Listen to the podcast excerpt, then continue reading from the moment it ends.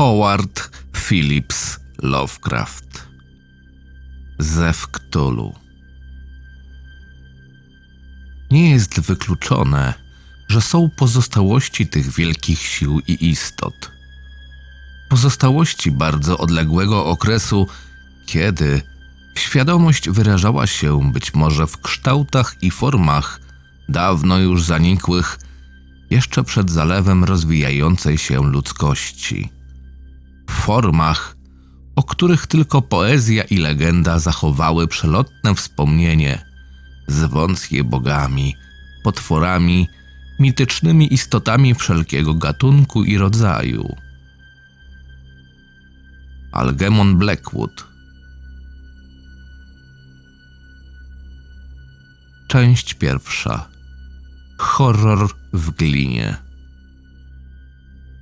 Wydaje mi się, że największym dobrodziejstwem na tym świecie jest fakt, że umysł ludzki nie jest w stanie skorelować całej swej istoty. Żyjemy na spokojnej wyspie ignorancji pośród czarnych mórz nieskończoności i wcale nie jest powiedziane, że w swej podróży zawędrujemy daleko. Nauki, a każda z nich dąży we własnym kierunku, nie wyrządziły nam jak dotąd większej szkody. Jednakże pewnego dnia, gdy połączymy rozproszoną wiedzę, otworzą się przed nami tak przerażające perspektywy rzeczywistości, a równocześnie naszej strasznej sytuacji, że albo oszalejemy z powodu tego odkrycia, albo uciekniemy od tego śmiercionośnego światła, przenosząc się w spokój i bezpieczeństwo nowego mrocznego wieku. Teozofowie w swych domniemaniach wskazują na niesamowity ogrom kosmicznego cyklu, w którym nasz świat i rasa ludzka to tylko wydarzenia przejściowe. Napomykają o dziwnych pozostałościach, stosując określenia, które zmroziłyby krew w żyłach, gdyby nie zamaskowano ich łagodnym optymizmem. Ale to nie teozofowie przyczynili się do mego przylotnego zetknięcia się z niemal zakazanymi eoanami, które przeszywają mnie dreszczem, gdy o nich myślę i przyprawiają niemal o szaleństwo, gdy o nich śnię. Zetknięcie się z nimi, tak jak i z wszystkimi przejawami straszliwej prawdy – nastąpiło w momencie przypadkowego łączenia całkiem różnych rzeczy. Wiadomości z gazety i notatek zmarłego profesora. Mam nadzieję, że już nikt więcej nie będzie się tym zajmował. Jedno jest pewne, że jeśli będę żył, nigdy świadomie nie dostarczę ogniwa do tego strasznego łańcucha. Myślę, że profesor także zamierzał zachować milczenie odnośnie tej części, która była mu znana i że zniszczyłby swoje notatki, gdyby nie zabrała go nagła śmierć. Moja znajomość tej sprawy datuje się od przełomu 1926 i 1927 roku, a konkretnie od śmierci wujecznego dziadka George'a Gamela Angela – emerytowanego profesora języków semickich w Brown University, Providence, Rhode Island. Profesor Angel był powszechnie cenionym autorytetem w dziedzinie starożytnych zapisów i często zasięgali jego opinii dyrektorzy najsławniejszych muzeów. Tak więc jego odejście w wieku 92 lat upamiętniło się wielu znakomitym osobom. Jednakże tajemnicze okoliczności jego śmierci wzbudziły szerokie zainteresowanie wśród miejscowej ludności. Profesor zmarł wracając z Newport.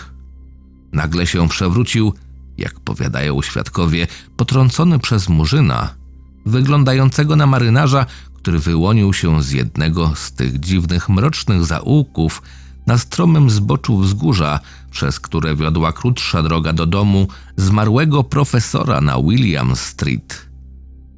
Lekarze nie znaleźli żadnych obrażeń, a po burzliwej naradzie doszli do wniosku, że przyczyną śmierci były dziwne zmiany patologiczne w sercu, spowodowane szybkim wejściem starszego człowieka na wzgórze. Wtedy nie widziałem powodu, by mieć odmienne zdanie. Z czasem jednak zrodziła się we mnie wątpliwość, a nawet coś więcej niż wątpliwość.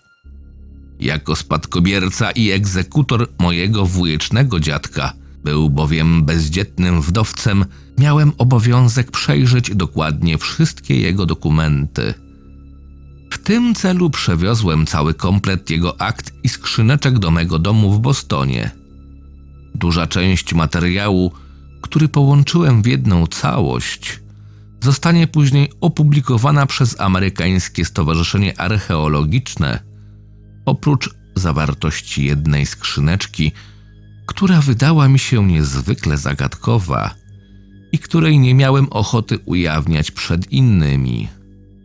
Była zamknięta i nie mogłem znaleźć kluczyka, aż wpadłem na pomysł, aby obejrzeć dokładnie pierścień, który profesor nosił zawsze w kieszeni. Udało mi się ją otworzyć, ale wtedy stanąłem przed jeszcze większą i jeszcze trudniejszą do pokonania przeszkodą. Bo i cóż miała znaczyć dziwna płaskorzeźba w glinie, bezładne zapiski i jakieś wycinki. Czyżby mój wuj na starość stał się wyznawcą najbardziej wyrafinowanej szarlatanerii? Postanowiłem odszukać ekscentrycznego rzeźbiarza, który był odpowiedzialny za to oczywiste zakłócenie spokoju umysłowego starego człowieka.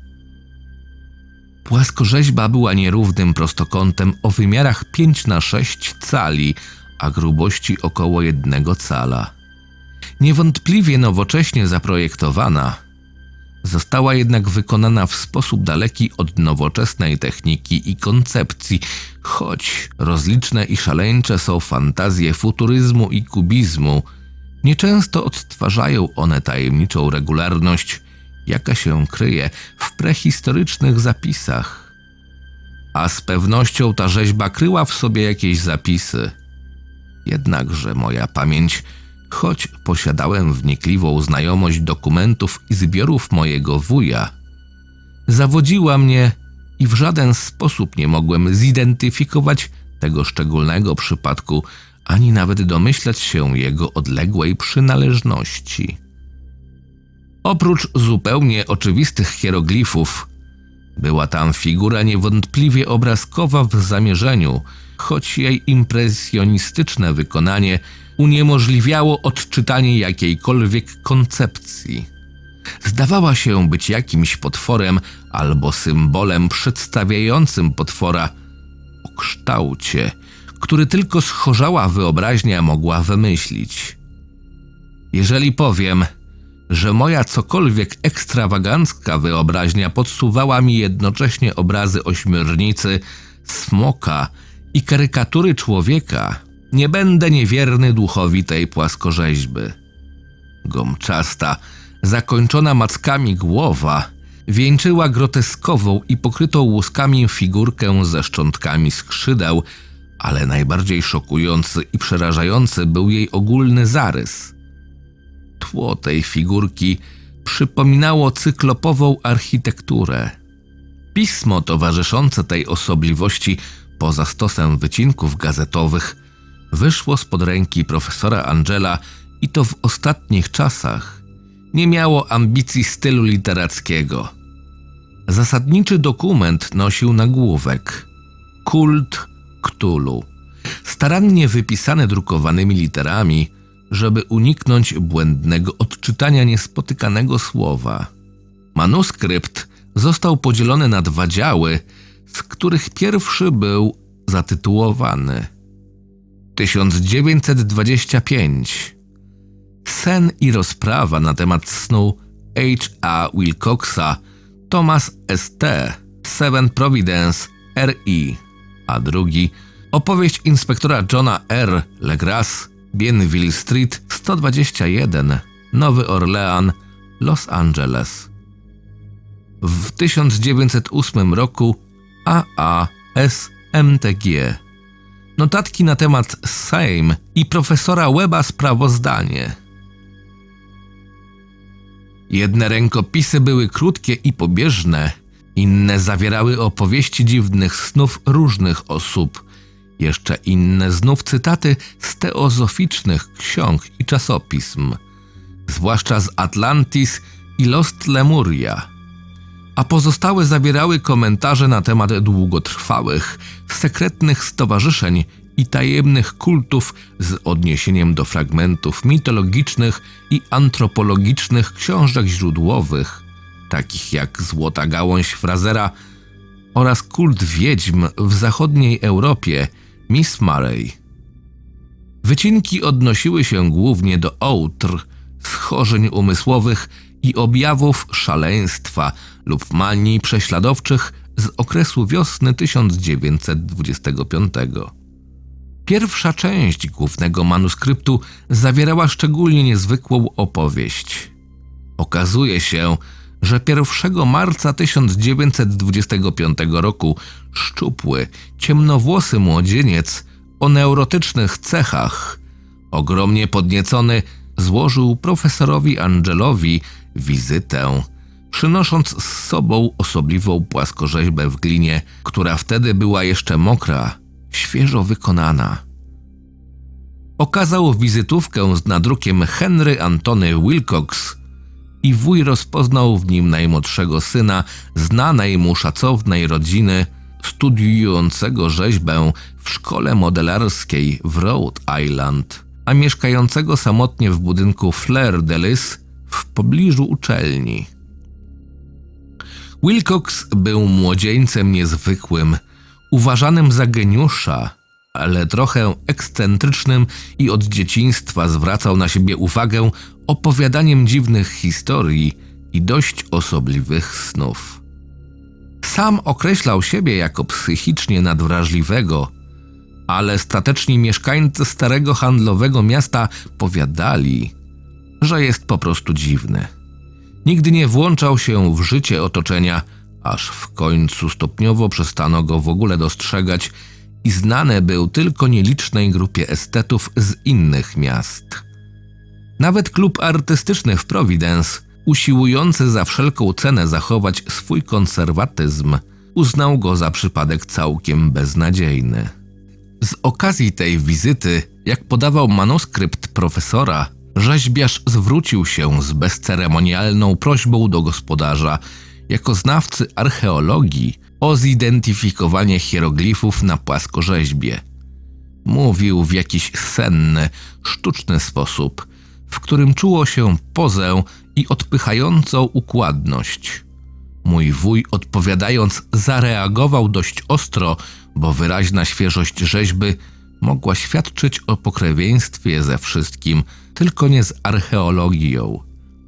Odpowiedź młodego Wilcoxa która wywarła takie wrażenie na wuju, że zapamiętał ją i zapisał dosłownie, była wprost fantastyczna i poetycka, co zapewne cechowało też całą z nim rozmowę, a co ja uznałem za wielce dla niego charakterystyczne.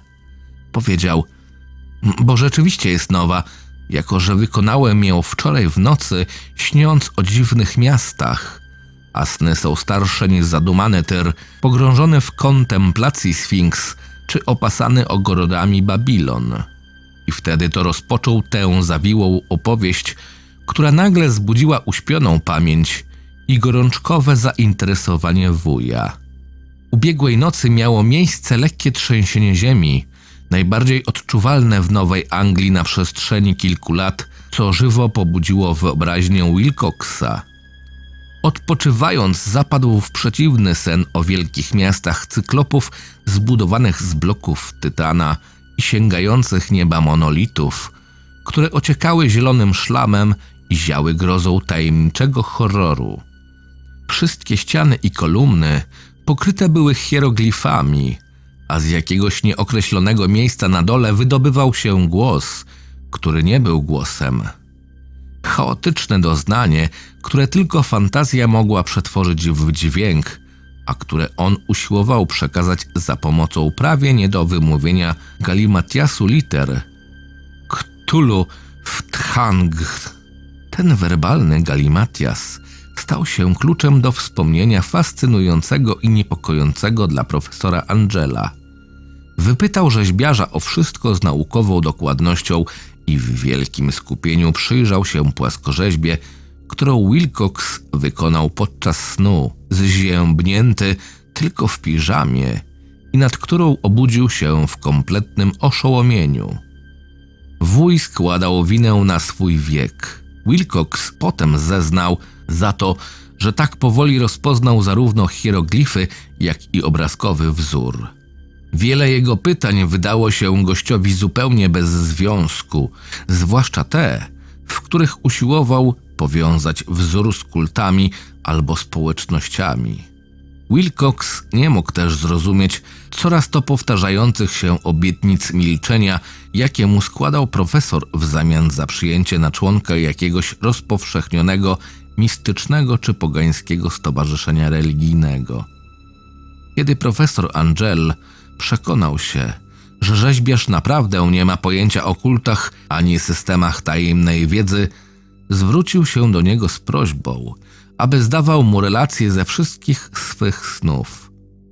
To zaowocowało, bo w manuskrypcie są opisy codziennych wizyt młodego człowieka, podczas których snuł zdumiewające opowieści o swoich nocnych wizjach. Dominował w nich straszny widok ciemnych, ociekających szlamem kamieni oraz podziemny głos albo jakaś informacja przekazywana monotonnie w sposób zagadkowy i pozbawiony sensu, dający się określić tylko jako bełkot. Dwa dźwięki powtarzane najczęściej można oddać za pomocą tych liter: Kturu i Rajlech. 23 marca, jak było dalej w manuskrypcie, Wilcox się nie zjawił. Po przeprowadzeniu wywiadu w miejscu zamieszkania okazało się, że zapadł na jakąś dziwną gorączkę i rodzina zabrała go do domu na Waterman Street. Krzyczał przez całą noc, budząc wszystkich w tym domu, na przemian to tracąc świadomość, to popadając w delirium. Wuj natychmiast zatelefonował do rodziny i bacznie od tej pory obserwował ten przypadek. Odwiedzał też często doktora Tobeja na Tyre Street, który opiekował się pacjentem. Rozgorączkowany umysł Wilcoxa krążył wokół jakichś dziwnych spraw, a doktor mówiąc o tym aż się wzdrygał. Były więc opowieści o jego dawnych snach, ale i o jakiejś przedziwnej wielkie rzeczy na milowych wysokościach, która tam chodzi albo się snuje dookoła. Nigdy nie określił wyraźnie tego obiektu, ale szalone słowa, jakie wypowiadał od czasu do czasu, powtórzone przez doktora Tobeja, przekonały profesora, że jest on identyczny jak owo nieokreślone monstrum, które chciał odtworzyć w rzeźbie podczas snu. Wzmianki o tym obiekcie, według doktora, były zawsze wstępem do letargu, w jaki popadał młody człowiek. Dziwna rzecz, ale jego temperatura niewiele przekraczała granice normy, natomiast stan ogólny świadczył raczej o autentycznej gorączce niż o jakimkolwiek zakłóceniu umysłowym. 2 kwietnia, około trzeciej po południu, ustąpiły wszelkie symptomy choroby Wilcoxa. Usiadł prosto na łóżku, zdziwił się swoją obecnością w domu, nieświadom zupełnie tego, co zdarzyło się we śnie czy na jawie od 22 marca. Lekarz orzekł, że jego stan zdrowia już jest dobry i Wilcox wrócił po trzech dniach do swojego mieszkania. Ale też i przestał być pomocny profesorowi Angelowi. Wraz z powrotem do zdrowia zniknęły wszelkie ślady dziwnych snów i mój wuj przestał prowadzić notatki z jego nocnych wizji po tygodniu bezcelowych i niezwiązanych z tematem sprawozdań z najzupełniej normalnych snów. Tu się kończyła pierwsza część manuskryptu, lecz wzmianki odnoszące się do pewnych rozproszonych zapisków dostarczyły mi dużo materiału do myślenia. W gruncie rzeczy tak dużo, że tylko wrodzony sceptycyzm, kształtujący wtedy moją filozofię, może być odpowiedzialny za ciągłą nieufność w stosunku do artysty. Wspomniane notatki były opisem snów rozmaitych osób z tego samego okresu, w którym młody Wilcox składał tak dziwne wizyty. Mój wuj, wydaje się, szybko rozwinął ogromny, na szeroką skalę zakrojony wywiad pośród niemal wszystkich przyjaciół, do których mógł, bez posądzenia o zuchwalstwo, zwrócić się z prośbą o relację z ich snów z podaniem daty co ciekawszych sennych wizji z przeszłości. Na prośbę tę reagowano w różny sposób. Jednakże spotkał się ze znacznie większym odzewem niż każdy przeciętny człowiek posiadający do pomocy sekretarkę. Korespondencja w wersji oryginalnej nie zachowała się, ale jego notatki były dokładnym i naprawdę wiele znaczącym sprawozdaniem. Relacje przeciętnych ludzi ze sfer towarzyskich i biznesu, stanowiących tradycyjną sól ziemi Nowej Anglii, okazały się prawie zupełnym fiaskiem, jednak pojedyncze przypadki niespokojnych, acz niesprecyzowanych impresji nocnych pojawiają się tu i ówdzie, zawsze między 23 marca a 2 kwietnia, w okresie delirium młodego Wilcoxa. Naukowcy byli trochę pod ich większym wpływem, choć dość niejasny opis czterech przypadków nasuwa przelotne obrazy dziwnych krajobrazów, a jeden wspomina o lęku przed czymś wykraczającym poza przyjęte granice wyobraźni. To od artystów i poetów nadeszły owe trafne odpowiedzi i jestem przekonany, że rozpętałaby się panika, gdyby byli w stanie porównać zanotowane uwagi. W tej jednak sytuacji, z powodu braku oryginalnych listów, uznałem, że kompilator musiał zadawać wiodące pytania, albo też sam zredagował listy będące świadectwem tego, co skrycie postanowił zobaczyć. Dlatego wciąż czułem, że Wilcox w pewnym stopniu, świadom wszystkich danych, będących od dawna w posiadaniu mojego wuja, okpiwał starego naukowca. Odpowiedzi estetów stanowiły bulwersującą opowieść. Między 28 lutego a 2 kwietnia ogromna większość z nich śniła o przedziwnych rzeczach, a nasilenie tych snów znacznie narastało w okresie delirium rzeźbiarza. Ponad jedna czwarta pośród tych, którzy cokolwiek donosili, opisywała sceny i dźwięki niewiele odbiegające od tych, które podawał Wilcox, a po niektórzy zwierzali się z przeszywającego ich lęku przed ogromną jakąś niesłychaną rzeczą widzianą pod koniec snu. Jeden przypadek, szczególnie podkreślany w tym opisie, był bardzo smutny. Jego obiekt, powszechnie znany architekt, skłaniający się ku teozofii i okultyzmowi, uległ gwałtownemu napadowi szaleństwa w okresie delirium Wilcoxa i po kilku miesiącach wyzionął ducha, wołając bez ustanku, aby ocalono go przez jakimś zbiegłym spiekiełstworem. Gdyby wuj opatrywał owe przypadki imieniem, zamiast posługiwać się tylko cyfrą, podjąłbym osobiście badania w celu potwierdzenia ich wiarygodności. W tej jednakże sytuacji udało mi się natrafić na ślad ledwie kilku przypadków, ale te były dokładnie opisane. Często zastanawiałem się, czy wszystkie osoby, które profesor wypytywał, były równie zaskoczone jak te tu opisane. Dobrze się składa, że żadne wyjaśnienie do nich nie dotrze. Wycinki prasowe, jak już wspomniałem, wskazywały na przypadki paniki, obłędu i ekscentryczności w danym okresie. Profesor Angel zatrudnił chyba całe biuro wycinków prasowych, bo liczba notatek była wprost niesamowita, a źródła rozproszone po całej kuli ziemskiej. Tu oto było samobójstwo nocą w Londynie, Człowiek śpiący samotnie, krzyknąwszy przeraźliwie, wyskoczył przez okno. Inny wycinek cytował zaskakujący list do wydawcy gazety w południowej Ameryce, w którym jakiś fanatyk przepowiada straszną przyszłość na podstawie makabrycznej wizji sennej. Przesłane wycinki z Kalifornii opisują kolonię teozofów odzianych en masse w białe szaty dla jakiegoś chwalebnego spełnienia życzeń, które nigdy się nie ziszczą, podczas gdy wycinki z Indii mówią niejasno o niepokoju tamtejszych mieszkańców, jaki zauważono pod koniec marca. Na Haiti nasilają się orgie czarnoksiężników, zaś afrykańska forpoczta donosi o złowieszczych rozruchach. Amerykańscy inspektorzy na Filipinach stwierdzają, że pewne plemiona sprawiają im kłopoty w tym czasie. A nocą z 22 na 23 marca nowojorską policję atakują rozhisteryzowani Lewantyńczycy. W zachodniej części Irlandii występują zamieszki i krążą różne legendy, natomiast pełen fantazji malarz Ardo Bonot wystawia bluźnierczy obraz, pejzaż ze snu na paryskim wiosennym wernisażu 1926 roku.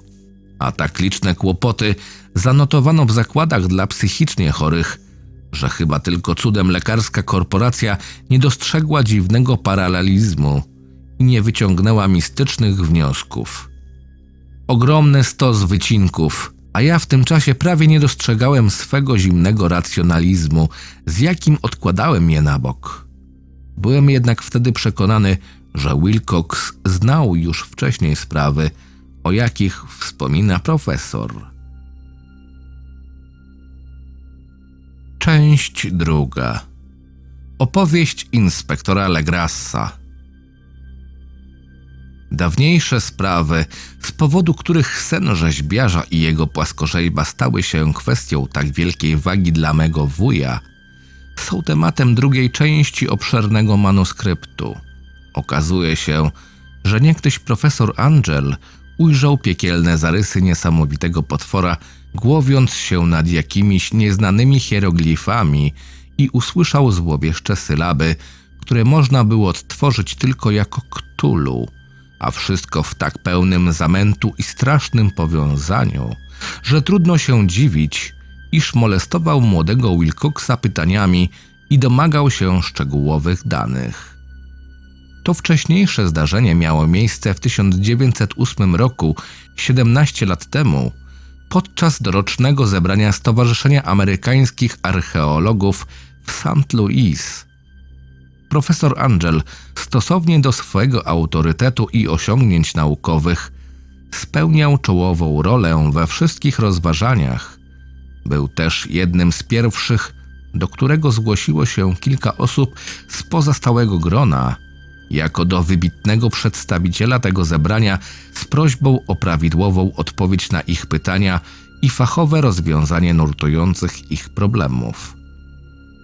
Głównym przedstawicielem grona outsiderów, który zresztą wkrótce stał się centralnym obiektem zainteresowania całego zgromadzenia, był mężczyzna w średnim wieku o dość pospolitym wyglądzie, który przyjechał aż z Nowego Orleanu aby zdobyć pewne informacje, raczej szczególnej natury, nieosiągalne w żadnym z lokalnych źródeł. Nazywał się John Raymond Legras i był inspektorem policji. Przywiózł ze sobą przedmiot będący celem tej wizyty. Groteskową, budzącą odrazę i niewątpliwie bardzo starą kamienną statuetkę, której pochodzenia nie był w stanie ustalić. Trudno przypuszczać, aby inspektor Legras interesował się choćby w najmniejszym stopniu archeologią. Wręcz przeciwnie, jego pragnienie, aby wyjaśnić tę zagadkę, miało charakter czysto profesjonalny. Statuetka, bożek, fetysz. Cokolwiek to było, została znaleziona kilka miesięcy temu w lasach rosnących na moczarach na południe od Nowego Orleanu podczas obławy na czarnoksiężników, którzy mieli odbywać tam swoje zgromadzenia. Tak niezwykłe i tak niesamowite były obrzędy związane z tą statuetką, że policja nie miała wątpliwości, iż natknęła się na jakiś tajemniczy kult, zupełnie nieznany i o wiele bardziej szatański niż wszelkie znane dotąd. Najbardziej mroczne kulty czarnoksiężników afrykańskich. O jej pochodzeniu Poza chaotycznymi i wprost niewiarygodnymi opowieściami, jakie z trudem wydobyto od schwytanych członków zgromadzenia, nie dowiedziano się absolutnie niczego. Stąd usilne dążenie policji, aby nauka o starożytności pomogła zidentyfikować ten przerażający symbol i przyczynić się do wyśledzenia kultu aż po samo jego źródło. Inspektor Legras nie spodziewał się, że statuetka wywoła aż taką sensację. Jedno spojrzenie wystarczyło, aby wszyscy zebrani tam ludzie nauki popadli w stan euforycznego podniecenia. Stłoczyli się wokół niego, by przyjrzeć się maleńkiej statuetce, której niepojęta osobliwość i autentyczny powiew najbardziej odległej starożytności otwierały zupełnie nieznane możliwości. Żadna ze sławnych szkół rzeźbiarskich nie potrafiła rzucić światła na ten niesamowity przedmiot, a jednak na jego zielonkawej powierzchni z nieznanego kamienia były wyryte ślady setek, a nawet tysięcy lat. Figurka zaczęła przechodzić z rąk do rąk dla dokładniejszych oględzin. Miała około siedmiu, a nawet ośmiu cali i została wykonana w sposób mistrzowski i wysoce artystyczny. Przedstawiała potwora o niewyraźnych antropoidalnych kształtach, głowie ośmiornicy i twarzy pełnej macek, tułowiu gąbczastym i pokrytym łuskami, ogromnych szponach na przednich i tylnych łapach i długich, wąskich skrzydłach z tyłu. Zdawała się zionąć przerażającą i jakąś nienaturalną złośliwością. Była jakby trochę wypukła i korpulentna i osadzona na kwadratowym bloku albo postumencie, pokrytym nieczytelnymi znakami.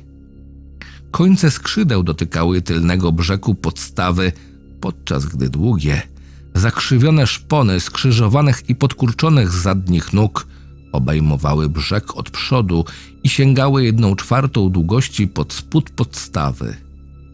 Głowa wyrastająca jakby z nóg była pochylona do przodu, tak, że koniuszki czułek na twarzy ocierały się o wielkie przednie szpony obejmujące podkurczone i uniesione kolana. Statuetka wyglądała jak żywa i tym bardziej budziła lęk, że jej pochodzenie było tak całkowicie nieznane. Nie ulegało wątpliwości, że jej wiek był nieodgadniony. Nawet w najdrobniejszym szczególe nie wykazywała związku z żadnym rodzajem sztuki przynależnym do młodej cywilizacji, a właściwie do żadnej cywilizacji znanej na tym świecie. W tej całkowitej odrębności i wyizolowaniu nawet tworzywo, z którego została wykonana, było tajemnicze, ponieważ miękki, zielono-czarny kamień ze złocistymi i opalizującymi centkami i prążkami nie przypominał żadnego znanego w geologii czy mineralogii kamienia. Znaki na podstawie były równie zaskakujące i nie do czytania. Nikt spośród obecnych, choć zgromadziła się reprezentacja ekspertów w tej dziedzinie z połowy świata, nie potrafił znaleźć choćby najmniejszego podobieństwa do jakichkolwiek znanych im nawet najstarszych języków. Znaki te, podobnie jak sama statuetka i materiał, z którego została wykonana, przynależały do jakichś bardzo odległych czasów, nieznanych rodzaju ludzkiemu. Sugerowały, napełniając grozą, ogromnie dawne i bezbożne życie, w którym nasz świat i nasze wyobrażenia – nie mają żadnego udziału. A jednak, kiedy członkowie tego zgromadzenia potrząsali głowami jeden po drugim i przyznawali zgodnie, że nie potrafią rozwiązać problemu inspektora, znalazł się ktoś, komu wydawało się, że chyba wie co nieco o tej przerażającej statuetce i piśmie na postumencie, po czym z pewnym onieśmieleniem opowiedział dziwną historię. Był to William Channing Webb, profesor antropologii w Princeton University, badacz naukowy, raczej mało znany. Profesor Webb został zaangażowany 48 lat temu jako członek wyprawy badawczej do Grenlandii i Islandii w poszukiwaniu pewnych napisów runicznych, których jednak nie udało mu się znaleźć. A daleko na zachodnim brzegu Grenlandii natknął się na niezwykłe plemię, czy też kult zdegenerowanych Eskimosów odprawiających dziwne obrzędy ku czci szatana, a już szczególnie zmroziła go ich pełna premedytacji i odrażająca żądza krwi. Była to religia, o której inni Eskimosi raczej mało wiedzieli, a na którą reagowali jedynie wzruszeniem ramion, mówiąc, że pochodzi z okresu bardzo dawnych eonów, jeszcze przed stworzeniem świata. Oprócz potwornych obrzędów i ofiar składanych z ludzi, odprawiali jakieś niesamowite, odziedziczone po przodkach rytuały przeznaczone dla nadrzędnego, starszego diabła albo Tomasuka. Z tych rytuałów profesor Webb sporządził fonetyczny zapis, słuchając wiekowego Angekoka albo duchownego czarownika, odtworzywszy te dźwięki za pomocą rzymskich liter w miarę możliwości jak najdokładniej. Teraz jednak największe znaczenie miał Bożek, którego w tym kulcie otaczano czcią i wokół którego wykonywano tańce, gdy zorza polarna wznosiła się wysoko nad okryte lodem urwiska skalne. Była to, jak twierdził profesor, bardzo prymitywnie wykonana kamienna płaskorzeźba, a na niej szkaradny obraz jakieś tajemnicze pismo. Zgodnie z tym, co zapamiętał, przypominała w ogólnych zarysach tego właśnie leżącego teraz przed zebranymi potwora. Powyższe dane, przyjęte przez zebranych z największym zdumieniem i powątpiewaniem, wzbudziły jeszcze większe zainteresowanie inspektora Legras. Zasypał profesora pytaniami. Mając zanotowany i przepisany tekst rytuałów czarowników na moczarach, których jego ludzie aresztowali, zwrócił się z prośbą do profesora, aby przypomniał sobie możliwie najdokładniej sylaby, jakie zapisał wśród diabolicznych Eskimosów.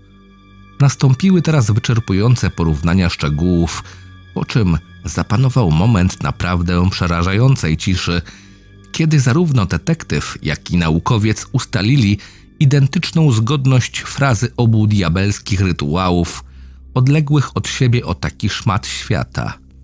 To, co w istocie zarówno eskimoscy czarownicy, jak i kapłani na moczarach w Luizjanie śpiewali maleńkim bożkom, tak się mniej więcej przedstawiało. Poszczególne słowa można było odgadnąć na podstawie przerw ustalonych tradycyjnym zwyczajem w śpiewanej frazie. Pchngluj, mglach naf, ktulu, rajlech, wgach nagi, wchtakn.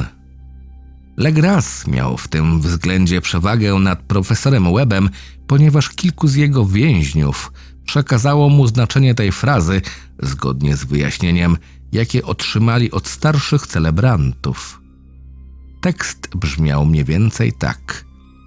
W tym domu w Rajlech czeka w uśpieniu zmarły Ktulu. Teraz inspektor Leglas na usilne nalegania zebranych zaczął opowiadać możliwie najdokładniej swoją przeprawę z czcicielami Bożka na moczarach. Była to opowieść, do której mój wuj, jak się zdołałem zorientować, przywiązywał szczególną wagę.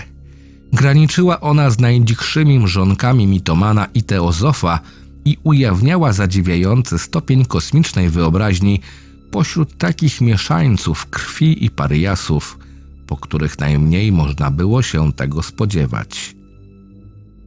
1 listopada 1907 roku nowoorleańska policja otrzymała pilne wezwanie na tereny moczarów i lagun znajdujące się na południu. Tamtejsi osadnicy, w większości prymitywni, ale prostoduszni potomkowie Laffitów, żyli w panicznym lęku przed czymś nieznanym, co zakradało się do nich nocą. Były to niewątpliwie praktyki czarnoksięskie, ale z takim okropieństwem jeszcze się dotychczas nie spotkali. Kilka ich kobiet i kilkoro dzieci zniknęło w momencie, gdy rozległo się złowieszcze bicie bębna w głębi mrocznych, nawiedzonych lasów, do których nie zaglądał żaden z okolicznych mieszkańców. Dochodziły stamtąd oszalałe krzyki, jęki udręczonych i zawodzenia mrożące krew w żyłach, pojawiały się też roztańczone, diabelskie płomienie. Zastraszony posłaniec powiedział, że przekracza to już wytrzymałość miejscowej ludności.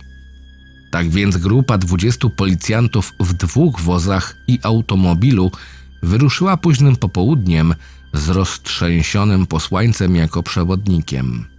Na końcu drogi wysiedli i dalej brnęli pieszo, pokonując całe mile w milczeniu wśród przerażających cyprysowych lasów, do których dzień nigdy nie zaglądał. Paskudne korzenie i zwisająco złowieszcze pętle hiszpańskiego mchu zagradzały im przejście, a co pewien czas zwalisko wilgotnych kamieni albo szczątki zmurszałego muru, będące przypomnieniem, jak schorzałe jest to miejsce, potęgowały nastrój grozy, którą budziło każde zniekształcone drzewo i każda kępa porosła grzybami. W końcu wyłoniło się przed nimi osiedle bezładnie rozproszonych ubogich chat. Rozhisteryzowani mieszkańcy wybiegli i zgromadzili się wokół migocących latarek. Gdzieś daleko rozlegało się ledwo słyszalne stłumione bicie w bębny. Co pewien czas, wraz z powiewem wiatru, dobiegał ścinający krew w żyłach krzyk. Poprzez jasne poszycie spoza bezkresnych ścieżek lesistej nocy zdawało się przenikać czerwonawe światło. Mieszkańcy tej osady drżeli na myśl, że muszą sami pozostać i każdy z nich, zlękniony, kategorycznie odmawiał, aby zbliżyć się choćby na krok w stronę tego diabelskiego miejsca obrzędów. Wobec tego inspektor Legras wraz z dziewiętnastoma kolegami zapuścił się bez przewodnika w czarne arkana koszmaru, z jakim jeszcze się w życiu żaden z nich nie zetknął. Teren, na który wkroczyła policja, miał z dawna ustaloną złą reputację. Był absolutnie nieznany, bo nie dotknęła go stopa białego człowieka. Krążyły legendy o tajemniczym jeziorze, którego nie ujrzał jeszcze żaden śmiertelnik, a w którym mieszka ogromny, bezkształtny, biały, polipowaty stwór o błyszczących ślepiach. Tubylcy szeptali, że czarty o skrzydłach nietoperza wylatują z jam w głębi ziemi, aby oddawać mu cześć o północy.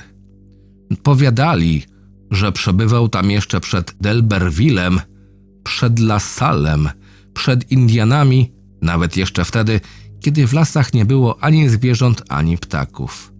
Była to zmora nocna, a zobaczyć ją znaczyło umrzeć. Prześladowała jednak ludzi w snach. Wiedzieli więc o niej wystarczająco dużo, aby się trzymać z daleka. Orgia czarowników odbywała się teraz na samym brzegu tego odrażającego terenu, co było już wystarczająco okropne. Miejsce odprawiania czarów przerażało tubylców bardziej niż wstrząsające odgłosy i same wydarzenia. Tylko poezja albo obłęd mogły usprawiedliwić wrzaski, jakie docierały do Lagrasa, kiedy brnęli poprzez czarne grzęzawisko w kierunku czerwonego blasku i przytłumionego bicia w bębny.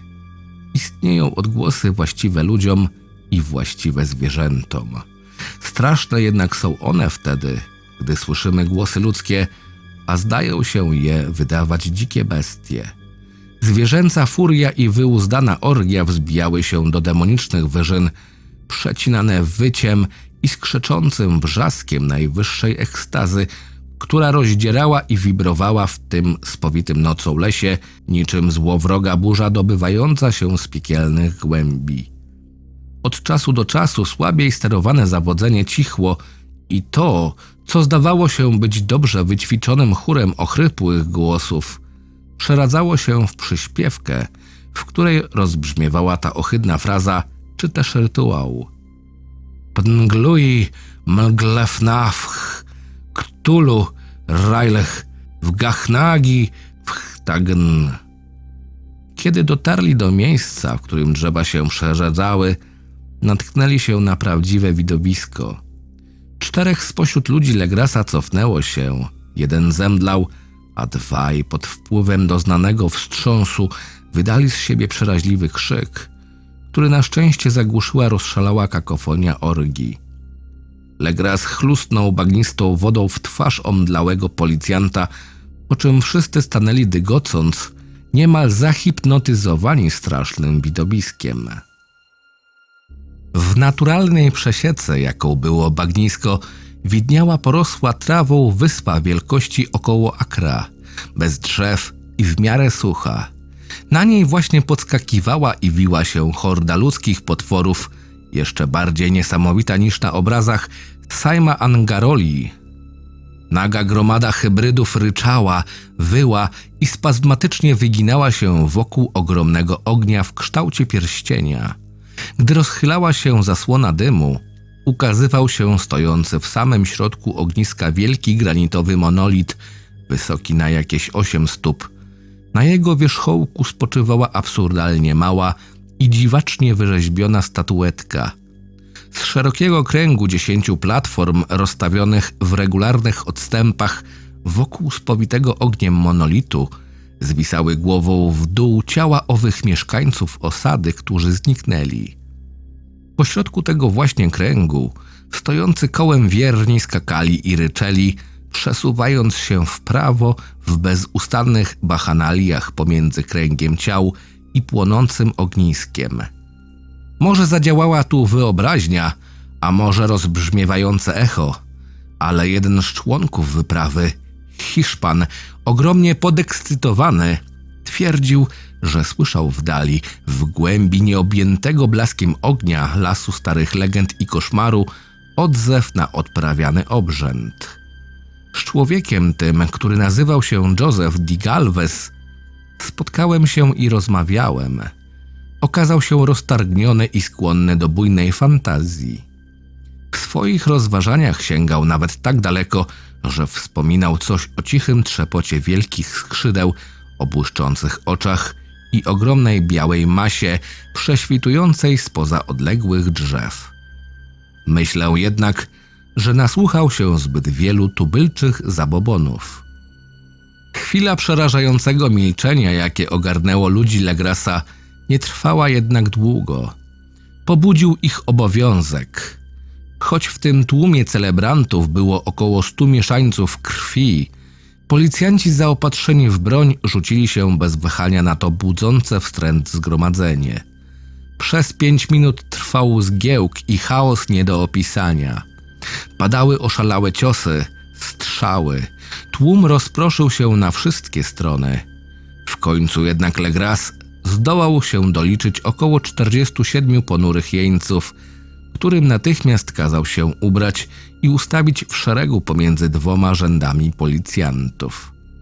Pięciu spośród wyznawców tego obrzędu zostało zabitych. Dwóch ciężko rannych ich współtowarzysze odnieśli na zaimprowizowanych noszach. Legras ostrożnie zdjął z monolitu rzeźbę i zabrał ją ze sobą. Po bardzo forsownej i nużącej podróży jeńcy zostali przesłuchani na komendzie i okazało się, że wszyscy są ogromnie prymitywnymi mieszkańcami krwi i objawiają zaburzenie umysłowe. W większości byli to marynarze, murzyni i mulaci, głównie z Indii Zachodnich albo portugalskiej Brawa z wysp Cape Verde. Wykonywali czarnoksięskie praktyki, oddając się heterogenicznemu kultowi.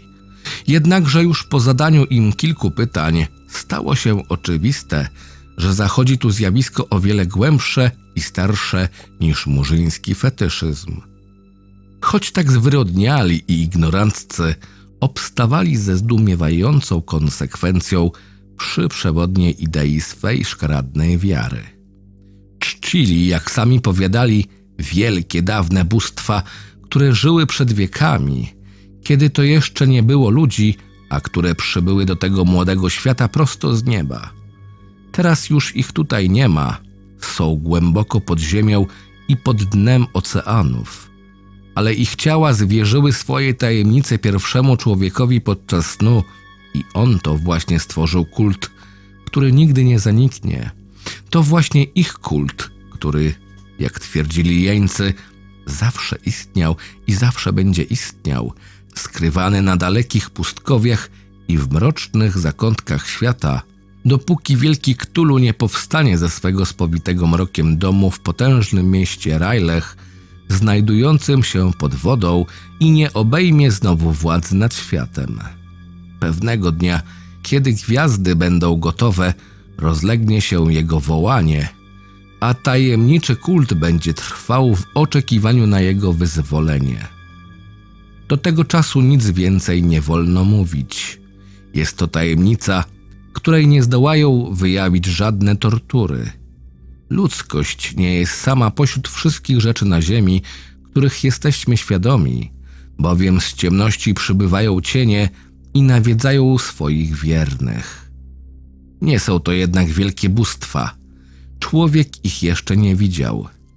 Wyrzeźbione bóstwo to wielki Ktulu, ale nikt nie potrafiłby powiedzieć, czy tak właśnie owe bóstwa wyglądają. Nikt też nie potrafiłby teraz odczytać starego napisu, ale słowa te zostały kiedyś wypowiedziane. Słowa nucone podczas obrzędu nie są tajemnicą, nigdy jednak nie mówi się ich głośno, tylko szeptem, a znaczą w tym domu w Rajlech czeka w uśpieniu zmarłych Tulu. Tylko dwaj jeńcy okazali się na tyle zdrowi na umyśle, aby ich można było powiesić. Pozostałych przekazano do różnych zakładów psychiatrycznych. Wszyscy wyparli się udziału w morderstwie podczas obrzędów i twierdzili, że ludzie ci zostali zabici przez bóstwa o czarnych skrzydłach, które przybyły do nich ze swej siedziby pośród nawiedzonych lasów. Jednak żadnego sensownego zeznania nie udało się wydobyć od tajemniczych sprzymierzeńców. Jedynie od bardzo wiekowego metysa nazwiskiem Castro policja zdołała nieco wyciągnąć, on zaś utrzymywał, że zawijał do różnych dziwnych portów i tam rozmawiał z nieśmiertelnymi wodzami kultu żyjącymi pośród gór w Chinach. Stary Castro pamiętał fragmenty strasznych legend, które podważały teorie teozofów i dowodziły, że zarówno świat, jak i człowiek istnieją od niedawna i są rzeczywiście zjawiskiem przemijającym. Były eony, podczas których inne rzeczy panowały na ziemi i miały swoje wielkie miasta. Pozostałości tych rzeczy, jak oświecili go nieśmiertelni Chińczycy, można jeszcze teraz spotkać w postaci gigantycznych skał na Pacyfiku. Zmarły one przed wieloma wiekami, nim jeszcze nastał człowiek. Są jednak sposoby, za pomocą których można je przywrócić do życia, kiedy gwiazdy osiągną właściwe położenie w cyklu wieczności. Przybyły z gwiazd i sprowadziły ze sobą swoje wizerunki. Te wielkie bóstwa, wyjaśniał dalej Castro, nie miały ciała ani krwi. Posiadały kształt. Czyż nie świadczył o tym ten posążek? Ale nie były zbudowane z materii. Kiedy gwiazdy ustawią się we właściwej pozycji, bóstwa będą mogły wędrować poprzez niebo ze świata do świata. Zaś póki gwiazdy nie mają odpowiedniej konfiguracji, bóstwa nie mogą żyć.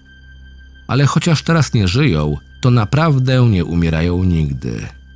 Spoczywają w kamiennych domach w swoim wielkim mieście Rajlech, zabezpieczone czarami potężnego Ktulu do czasu chwalebnego zmartwychwstania, kiedy to gwiazdy i ziemia będą znowu gotowe na ich przyjęcie.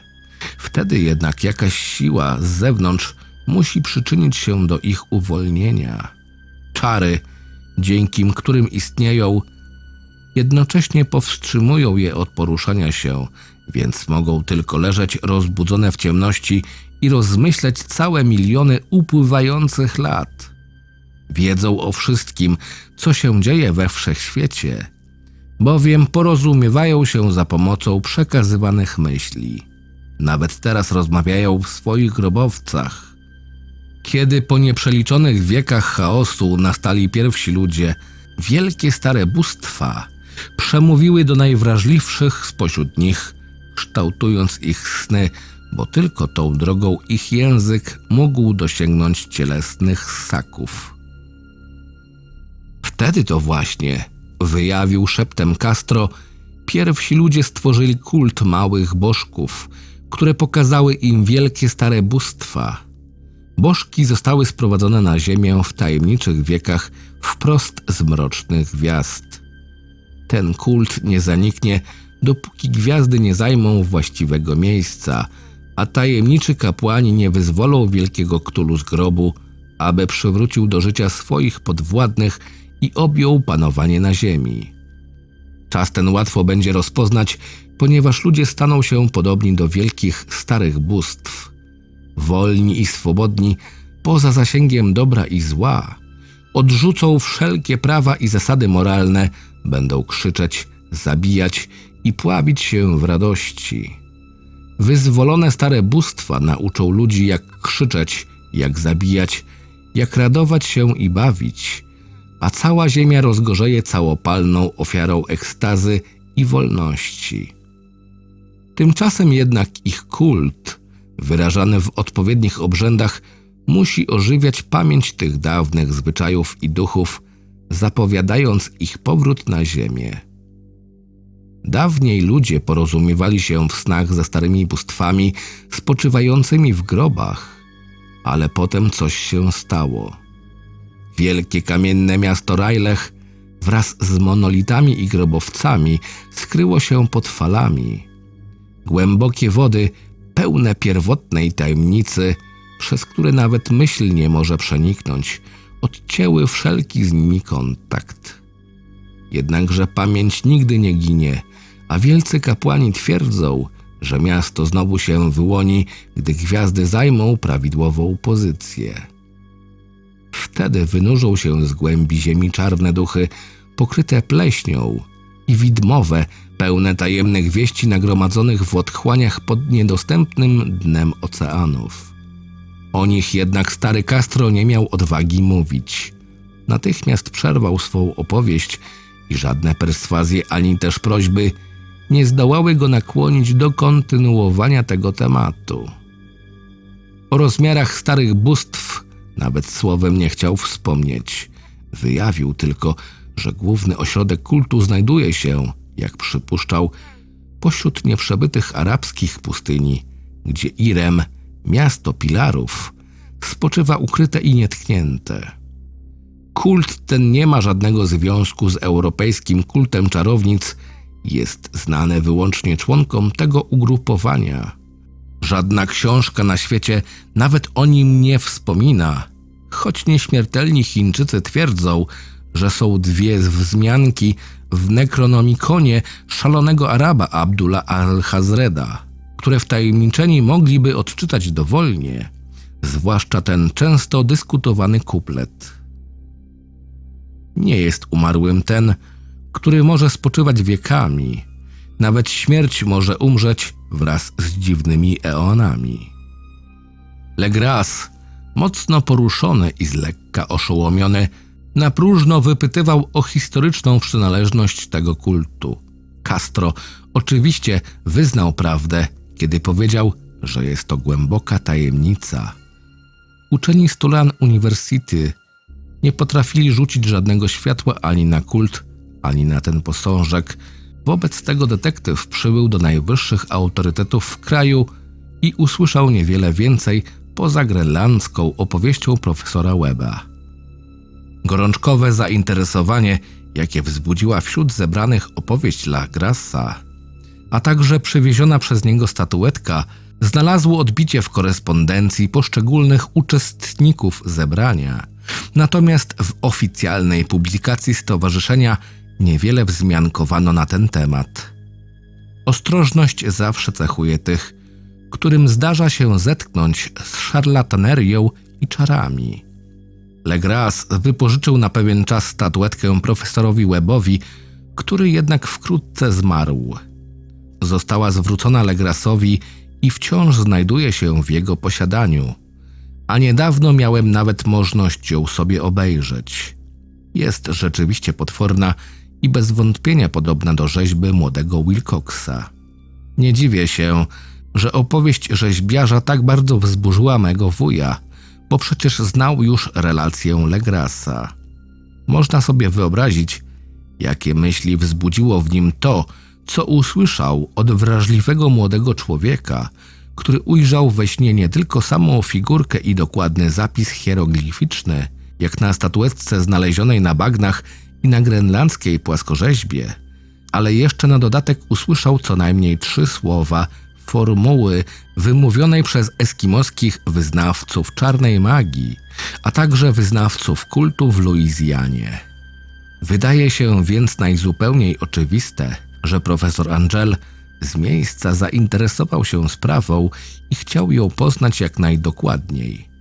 Ja jednak w głębi ducha podejrzewałem, że młody Wilcox gdzieś usłyszał kiedyś o tym kulcie i po prostu zmyślał opowieści o swoich snach, aby kosztem mego wuja podtrzymać tę tajemnicę.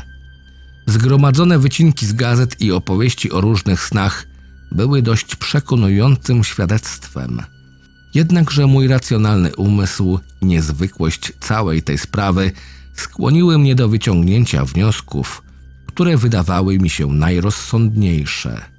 Tak więc, po dokładnym zapoznaniu się z manuskryptem i zestawieniu go z teozoficznymi i antropologicznymi notatkami, a także opowieścią Legrasa, odbyłem podróż do Providence, żeby zobaczyć się z rzeźbiarzem i powiedzieć mu kilka słów prawdy co do tego, że tak bez ogródek okpił uczonego i starego człowieka. Wilcox nadal mieszkał sam w budynku Fleur de Lis na Thomas Street, będącym szkaradną wiktoriańską imitacją XVII-wiecznej bretońskiej architektury, który ozdobionym stiukami frontem puszył się wśród pięknych domów w stylu kolonialnym położonych na wzgórzu i zażywał cienia pod najwspanialszą w Ameryce georgiańską strzelistą wieżą. Zastałem go przy pracy i z miejsca zorientowałem się po rozrzuconych we wszystkich pokojach rzeźbach, że mam do czynienia z autentycznym i wybitnym talentem. Jestem przekonany, że kiedyś zyska rozgłos jako jeden z największych dekadentów. Teraz wyraża się w glinie, ale kiedyś, w przyszłości, ujawni w marmurze wszystkie te mary nocne i twory fantazji, które Arthur Machen pokazuje w swojej prozie, a Clark Ashton Schmidt w poezji i malarstwie. Ciemny, drobny, niedbale ubrany, ledwie obrócił się, słysząc pukanie i spytał, czego sobie życzę, nawet nie wstając. Dowiedziawszy się, kim jestem, okazał pewne zaciekawienie. Mój wuj wzbudził w nim zainteresowanie, wypytując tak dociekliwie o jego sny, ale nigdy nie wyjawił mu przyczyny swojego zainteresowania. Ja również nie przyczyniłem się do wzbogacenia jego wiedzy w tym zakresie i starałem się, zachowując pozory, jak najwięcej z niego wyciągnąć. Szybko zorientowałem się, że opowieści o jego snach były naprawdę szczere i niebudzące wątpliwości. To właśnie one i wciąż jeszcze żywe ich wspomnienia wywarły wpływ na całą jego dalszą twórczość. Pokazał mi statuetkę będącą wytworem schorzałej wyobraźni, której zarysy, świadczące o sile ciemnych mocy, głęboko mną wstrząsnęły. Nie przypominam sobie, aby kiedykolwiek przedtem widział taki przedmiot. Znany mu był tylko ze snu, a jego ręce kształtowały go bezwiednie. Był to bez wątpienia potwór z jego majaczeń sennych. Nie ulegało wątpliwości, że nie miał najmniejszego pojęcia o kulcie otoczonym tak ścisłą tajemnicą, może jedynie wuj uchylił rąbka tajemnicy surowo strzeżonej w jego katechizmie. Znowu więc zacząłem się zastanawiać, w jaki sposób zostały mu przekazane tak niesamowite wrażenia.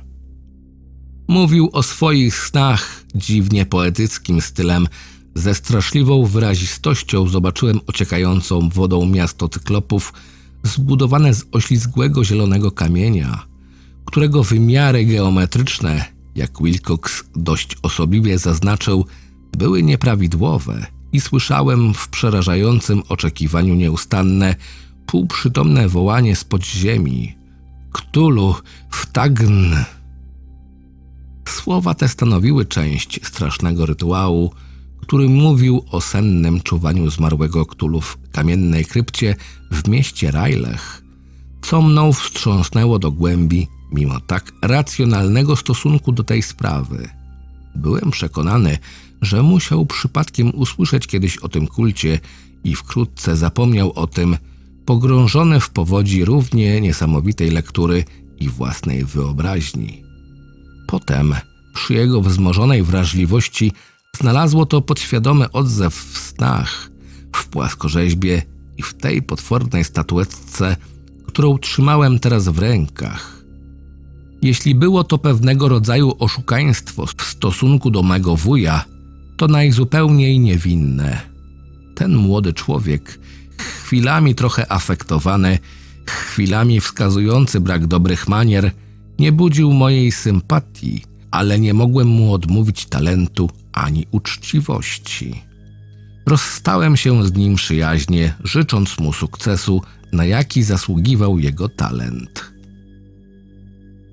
Sprawa tego kultu wciąż mnie fascynowała i chwilami snuły się przede mną wizje mojej własnej sławy, związanej z badaniami źródeł jego pochodzenia i wszelkich z nim związków.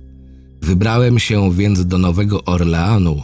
Rozmawiałem z Legrasem i innymi uczestnikami dawnej obławy na czarnoksiężników. Zobaczyłem tę straszną statuetkę, a nawet miałem możliwość zadać kilka pytań schwytanym jeńcom przebywającym jeszcze w więzieniu. Stary Castro, niestety, zmarł przed kilkoma laty.